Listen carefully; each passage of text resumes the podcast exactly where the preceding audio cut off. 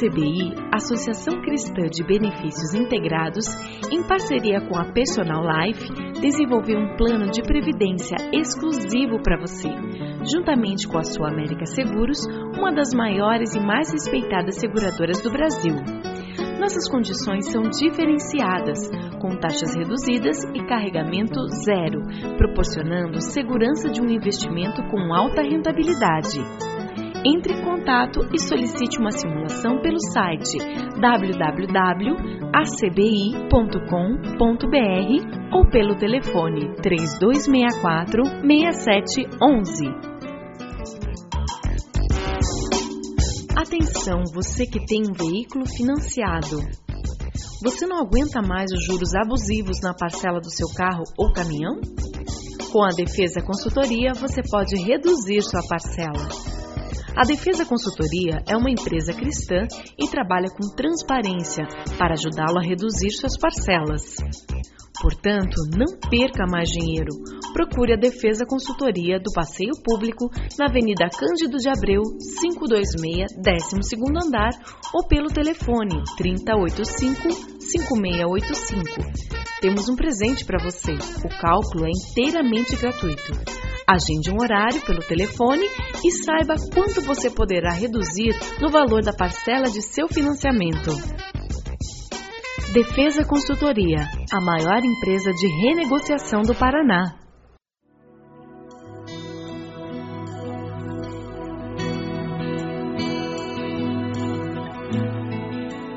Começa agora mais um Sementes do Amor de Deus, um programa da Igreja Batista do Bacaxeri, em Curitiba. Hoje nós vamos estar falando sobre aceitar a nossa missão. Por que, que eu vim? O que, que eu estou fazendo aqui? Você foi posto na terra para fazer uma contribuição. Você tem essa certeza? Você vive com essa convicção? Com Jeremias 1, 4 e 5. Aceitando a sua missão.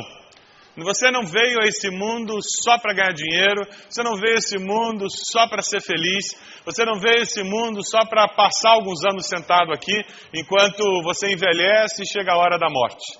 A gente não pode perder de vista isso. A palavra do Senhor veio a mim dizendo, diz o profeta Jeremias, antes de formá-lo no ventre, eu o escolhi. Antes de você nascer, eu o separei e o designei profeta às nações. Antes de formá-lo no ventre, eu escolhi. Deus já sabia e tinha escolhido você. Antes de você nascer, eu o separei e designei profeta às nações. Deus tem um propósito. A sua vida vai trazer glória para o nome dele. Ele deseja que, ao trazer glória para o nome dele, muitas pessoas venham a descobrir que Deus não está num canto do universo jogando paciência, esperando a eternidade passar. Deus está vivo e ativo ao seu lado, querendo intervir e agir através da sua vida e na sua vida. Você foi criado para acrescentar a vida da terra, não apenas para extrair. Os nossos problemas ecológicos, eles são consequência de uma perspectiva errada com relação à vida. Quando o ser humano vive aqui com a postura de que eu vim para receber, para extrair, para explorar, ele tem uma percepção egoísta e ele destrói o que está ao redor, tanto em relacionamentos, pessoas, como o meio ambiente. Mas quando eu venho a esse mundo e eu vivo nesse mundo com a consciência de que existe um propósito para a minha existência e eu vim aqui para cumprir uma missão que Deus me deu, eu vim para contribuir e fazer com que a vida seja melhor, eu vou até ter mais facilidade em fechar a torneira porque eu sei que água é um bem que está se tornando raridade no mundo. Vai ficar mais fácil entender que eu não preciso calçar o terreno inteiro da minha casa, porque assim com meia dúzia de varrida está tudo limpo. Eu não vou calçar o terreno inteiro da minha casa porque eu não quero que Curitiba vire São Paulo, aonde não existe mais terra para a água ser absorvida. Então vai tudo para o esgoto fluvial e do esgoto fluvial vai tudo para os riachos e daí da inundação. Por isso que São Paulo vive tendo inundação, porque não existe terra para absorver a água. Isso é um problema ecológico. Dá um pouco mais de trabalho cortar grama, mas é muito mais bonito. E Deus planejou que fosse assim, para que a água da chuva fosse absorvida. Quando eu venho com senso de missão, até ecologia entra na minha agenda. De uma forma equilibrada, sem me tornar um eco chato. Abra sua Bíblia lá em Efésios 2:10. Esse senso de missão vai fazer com que você aproveite as oportunidades e você procure oportunidades para fazer diferença. Efésios 2:10. Lá no Novo Testamento, é um texto bem conhecido, porque somos criação de Deus, realizada em Cristo Jesus, religiosos. Você tem que servir, você tem que se dar, você tem que fazer diferença de alguma maneira. Cada um de nós tem uma contribuição especial a dar nesse mundo. Essa boa obra que o texto fala, que Deus preparou para que você e eu realizássemos, ela só pode ser feita por você e por mim. Porque o tipo de contribuição que você vai dar é única, é especial. Alguém pode fazer o mesmo serviço, mas não será do jeito que você faz. A pergunta aqui que eu deixo com você: você está vivendo com esse senso de missão? Você tem vivido com esse senso de missão, dizendo: Deus, eu preciso realizar essa boa obra que o Senhor preparou. Você tem orado pedindo que Deus revele qual é o caminho, quais são os passos, qual é a direção. E sabe qual é a melhor maneira de você descobrir qual é a missão que Deus tem para você? Comece a se mexer. Agora, ficar sentado esperando que venha um anjo com asa reluzente para dizer para você, é ali. Não vai acontecer. Você vai morrer seco, sentado naquela cadeira dizendo: Deus não falou comigo. Você tem vivido com senso de missão?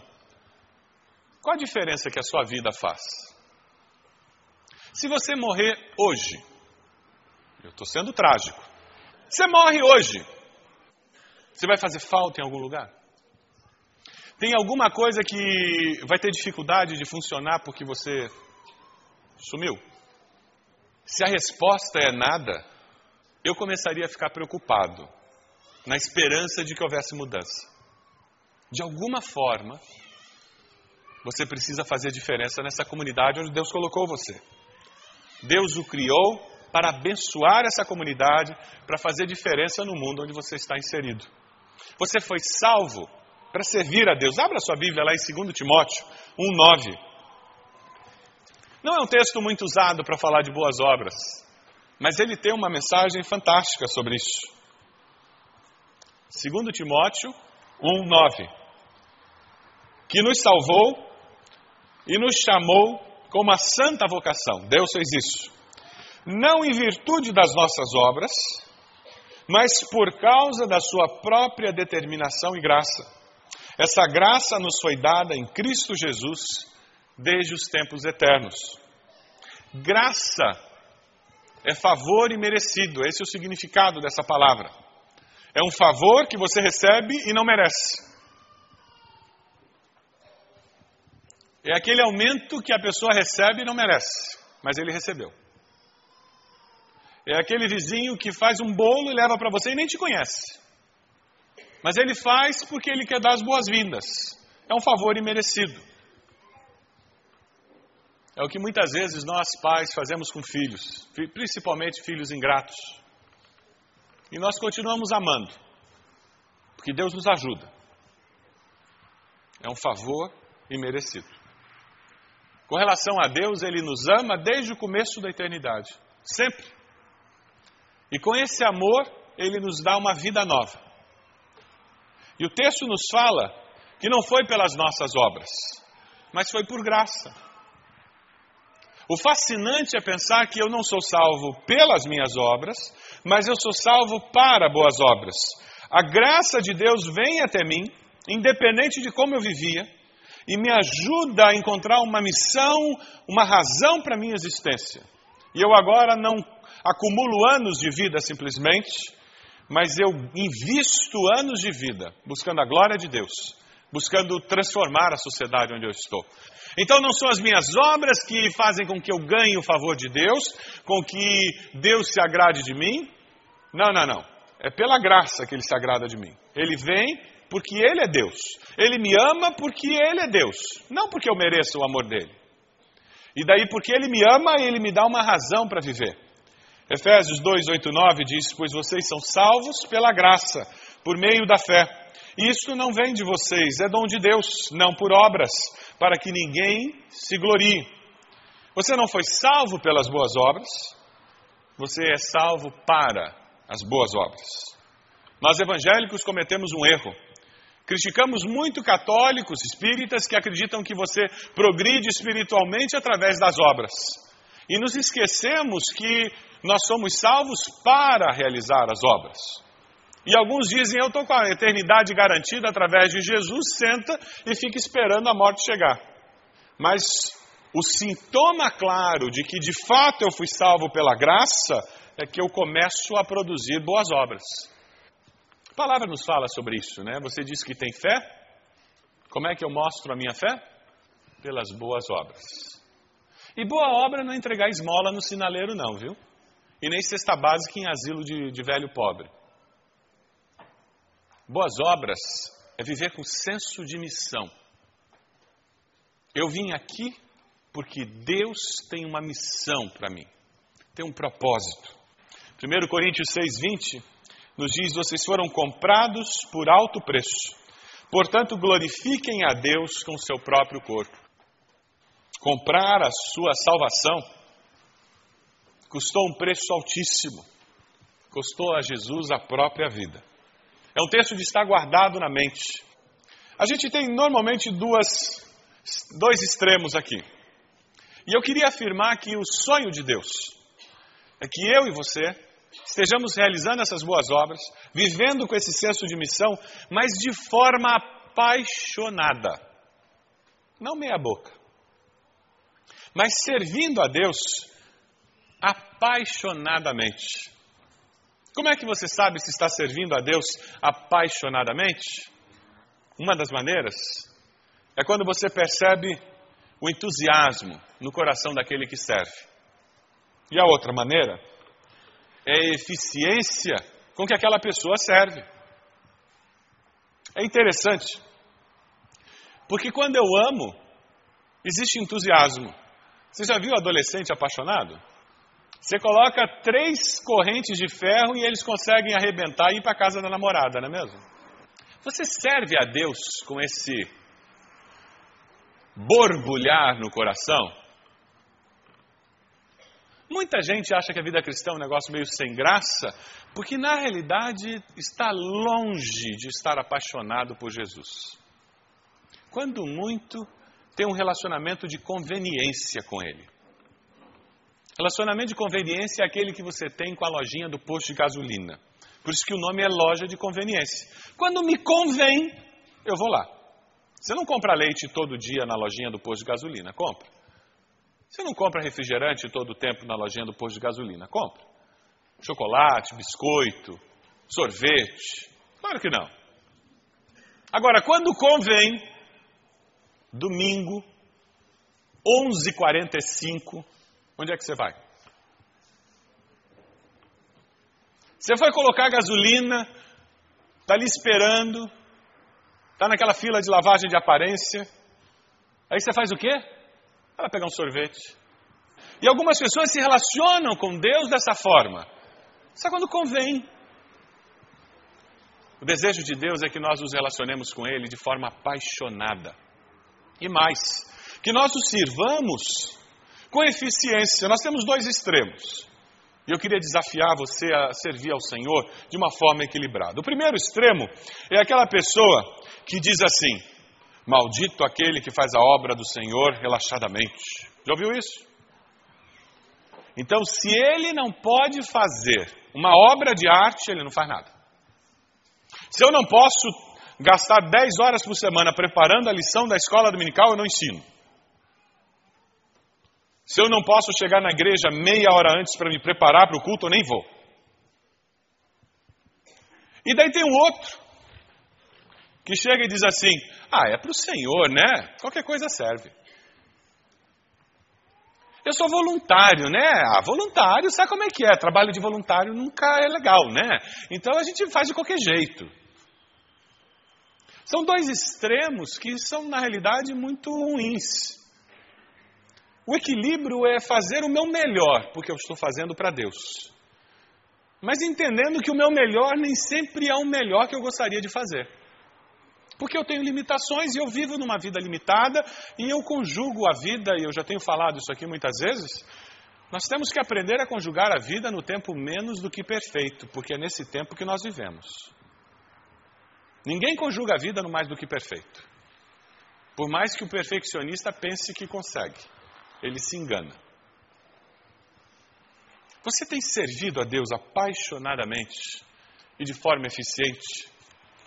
Você tem separado tempo para fazer isso?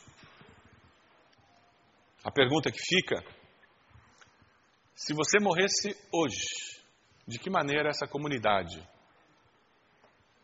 teria dificuldades para suprir a falta que você faria? O autor daquele livro Vida com Propósito, ele escreveu uma frase que eu gostei, eu queria ler para você.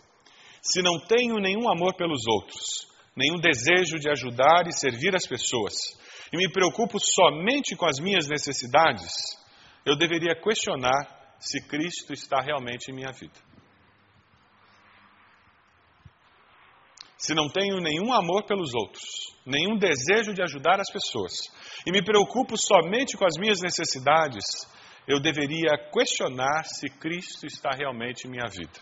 Um coração salvo por Jesus é um coração que deseja servir a Deus e ao próximo.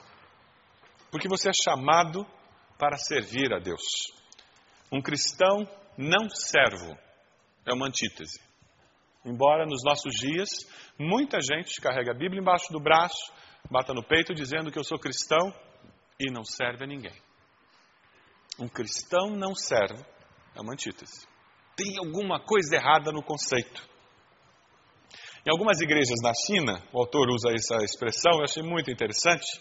Ela diz que quando eles dão as boas-vindas àqueles que aceitaram a Jesus, eles dizem: Bem-vindos, Jesus agora tem um novo par de olhos para ver, novos ouvidos para ouvir, novas mãos com as quais ajudar e um novo coração para amar os outros.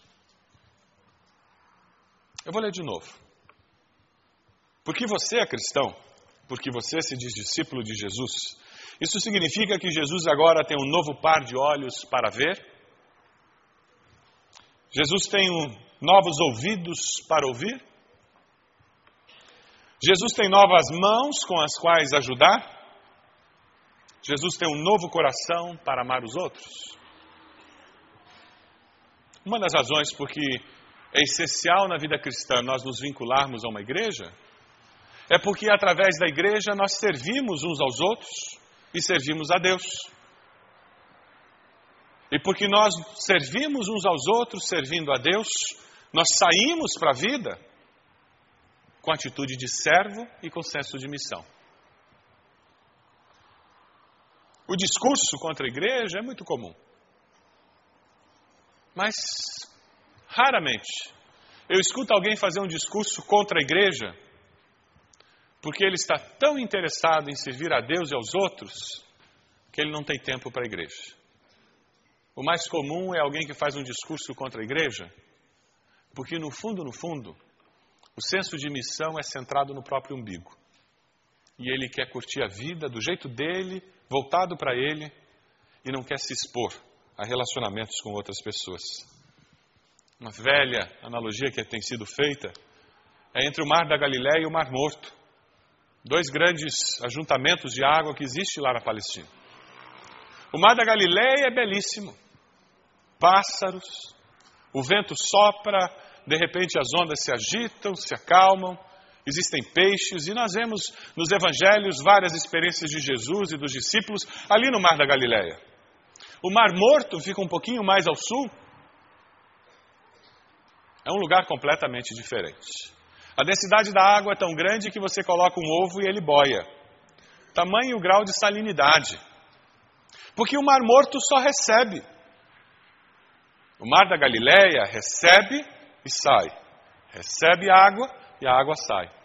O Mar Morto, a água só chega. Não há vida. Por quê? Porque não sai. Existem pessoas que pensam que elas crescem para elas crescerem. que elas progridem financeiramente para elas ficarem mais ricas, que elas estudam para ficarem mais espertas. Quando você vive com senso de missão, quando você entende o que são essas boas obras para as quais nós somos criados, você progride financeiramente para poder ter um impacto maior na sociedade, para poder servir mais a Deus e contribuir. Você progride intelectualmente para poder fazer com que o mundo seja melhor, para poder encontrar novas soluções e novas maneiras de fazer a mesma coisa. Você cresce na influência na sociedade, para que, como sal da terra e luz do mundo, você consiga levar luz e, e diferença em lugares que ninguém está levando. Isso é viver com senso de missão. A minha pergunta é se você tem vivido com esse senso de missão.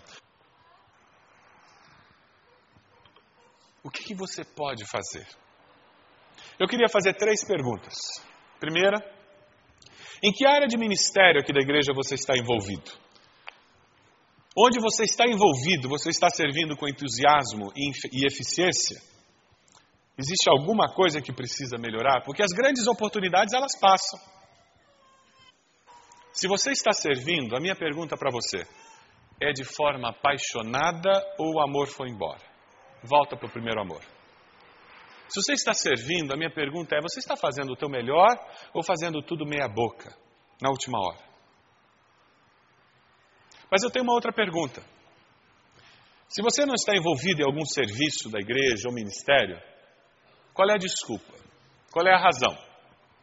Qual a desculpa que você tem usado? Será que ela vai colar no dia do juízo final? Será que a luz da eternidade ela é pertinente? Talvez você tenha que mudar a desculpa. John Wesley tem uma afirmação que eu achei muito interessante.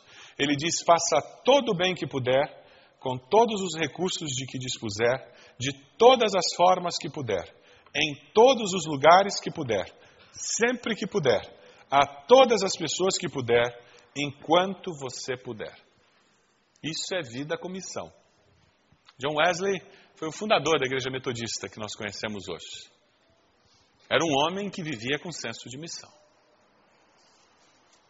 O que precisa mudar para que você faça aquelas boas obras, comece a fazer aquelas boas obras que Deus preparou?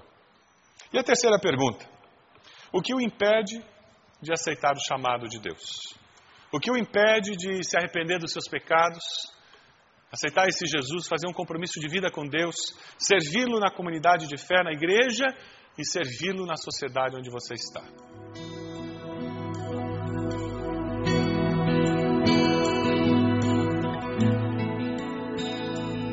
Este foi mais um programa Sementes do Amor de Deus, com o pastor Roberto Silvado, da Igreja Batista do Bacaxeri. Se você deseja obter cópias dessa mensagem, ligue para 33630327 ou envie um e-mail para radio@ibb.org.br, informando a data da mensagem.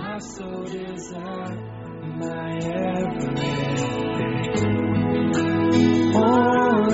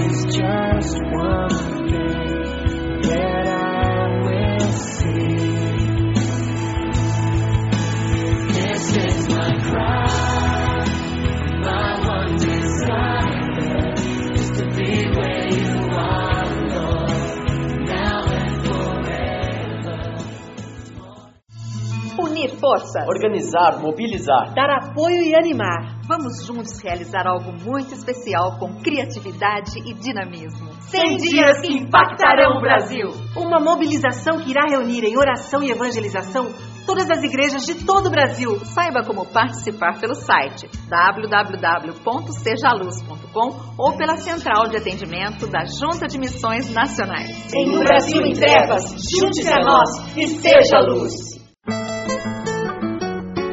A ACBI, Associação Cristã de Benefícios Integrados, em parceria com a Personal Life, desenvolveu um plano de previdência exclusivo para você, juntamente com a Sua América Seguros, uma das maiores e mais respeitadas seguradoras do Brasil. Nossas condições são diferenciadas, com taxas reduzidas e carregamento zero, proporcionando segurança de um investimento com alta rentabilidade. Entre em contato e solicite uma simulação pelo site www.acbi.com.br ou pelo telefone 3264 6711. Atenção, você que tem um veículo financiado. Você não aguenta mais os juros abusivos na parcela do seu carro ou caminhão? Com a Defesa Consultoria, você pode reduzir sua parcela. A Defesa Consultoria é uma empresa cristã e trabalha com transparência para ajudá-lo a reduzir suas parcelas. Portanto, não perca mais dinheiro. Procure a Defesa Consultoria do Passeio Público na Avenida Cândido de Abreu, 526, 12º andar ou pelo telefone 3085-5685. Temos um presente para você. O cálculo é inteiramente gratuito. Agende um horário pelo telefone e saiba quanto você poderá reduzir no valor da parcela de seu financiamento. Defesa Consultoria, a maior empresa de renegociação do Paraná.